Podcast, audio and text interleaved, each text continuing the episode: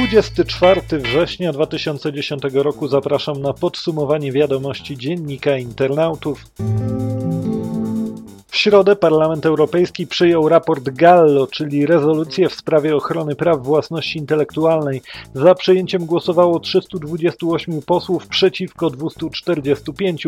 O dokumencie pisaliśmy kilkakrotnie. Przyjmując go, Parlament Europejski uznał, że naruszenia praw autorskich w internecie są tak samo groźne jak na przykład podrabianie leków. Rezolucja może stanowić wstęp do wprowadzenia w całej Europie takich rozwiązań jak prawo Hadopi albo filtrowanie treści na rzecz posiadaczy praw autorskich autorskich. Co ciekawe, do głosowania za raportem Gallo europosłowie namawiani byli w petycjach od branży rozrywkowej, pod którymi znalazły się podpisy na przykład nieżyjącego reżysera lub siedmioletniego dziecka.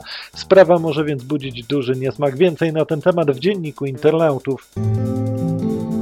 Wciąż niewielu Europejczyków kupuje towary za granicą przez internet. Parlament Europejski chce to zmienić. Może temu służyć europejski znak zaufania gwarantujący wiarygodność i jakość produktów znajdujących się na transgranicznym rynku elektronicznym. Parlament wezwał Komisję w przyjętej w tej sprawie rezolucji do położenia kresu dyskryminacji konsumentów ze względu na adres elektroniczny lub miejsce zamieszkania. Nowo powołana Krajowa Rada Radiofonii i Telewizji zatwierdziła podwyżki abonamentu na rok 2011. Potwierdziła to dla dziennika internautów Katarzyna Twardowska, rzecznik KRRIT. Oficjalny komunikat w tej sprawie powinien się pojawić w poniedziałek. Podwyżki liczone są w groszach, ale można się domyślić, że zirytują one wiele osób. Stanach Zjednoczonych parlamentarzyści pracują nad kolejnym rozwiązaniem antypirackim. Chcą oni, by Departament Sprawiedliwości mógł przejąć własność domeny, jeśli udowodni przed sądem, iż strona internetowa służyła promowaniu łamania praw autorskich. Aby zapobiec masowej ucieczce z amerykańskich serwerów, członkowie kongresu chcą, by ustawa obejmowała także zagraniczne strony. Uchwalenie i wejście w życie nowego prawa mogłoby narazić Waszyngton na konflikt z ICANN. Więcej na ten temat w dzienniku internautów. Szkodnik o nazwie Stuxnet pojawił się w czerwcu i od razu został nazwany wyrafinowanym szkodnikiem. Teraz jednak badacze do spraw bezpieczeństwa sądzą, że jego celem był irański reaktor atomowy, a za stworzeniem szkodnika może stać nawet jakieś państwo. Wczoraj takie informacje opublikował naukowiec Ralph Langner. Zwraca on uwagę na to, że Stuxnet uaktywnia się w specyficznych warunkach, gdy rozpozna maszyny marki Siemens używane w przemyśle. Również firma Kaspersky Lab uważa, że robak Stuxnet to przełomowy szkodnik. Zdaniem firmy z pewnością stworzyli go wysokiej klasy specjaliści, aby szkodzić jakimś celom przemysłowym. Być może jest to pierwszy robak terrorystyczny lub pierwsza na świecie cyberbroń.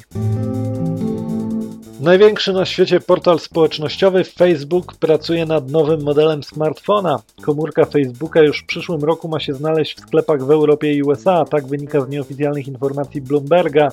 Nowe telefony mają wykorzystywać system Android. Według informatorów Bloomberga w Stanach Zjednoczonych miałyby one markę AT&T. Facebook jeszcze nie zdecydował, czy zamieści na telefonie swoje logo.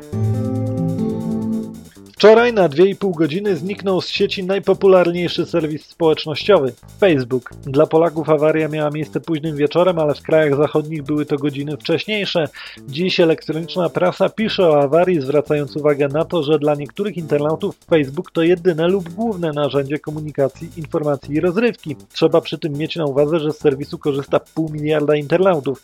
Nigdy dotąd awaria serwisu społecznościowego nie była tak dotkliwa. Powodem był błąd oprogramowania obsługi obsługującego bazę danych.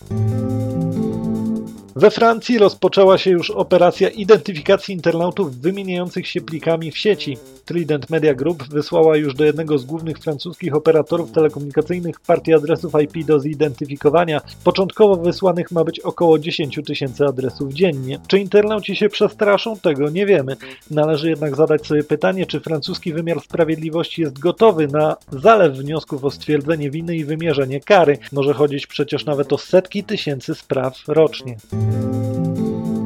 Intel wprowadził do sprzedaży karty, które pozwalają na zwiększenie mocy procesora Pentium G6951. Użytkownik musi zapłacić 50 dolarów za włączenie funkcji, które zakupiony sprzęt i tak posiada. To jedna z ciekawostek, o której można przeczytać w dzienniku internetów. Jest też kilka innych ciekawych tekstów, choćby o aresztowaniu za spam społecznościowy na mk.pl. To wszystko w podcaście. Czytaj dziennik internautów www.d24.pl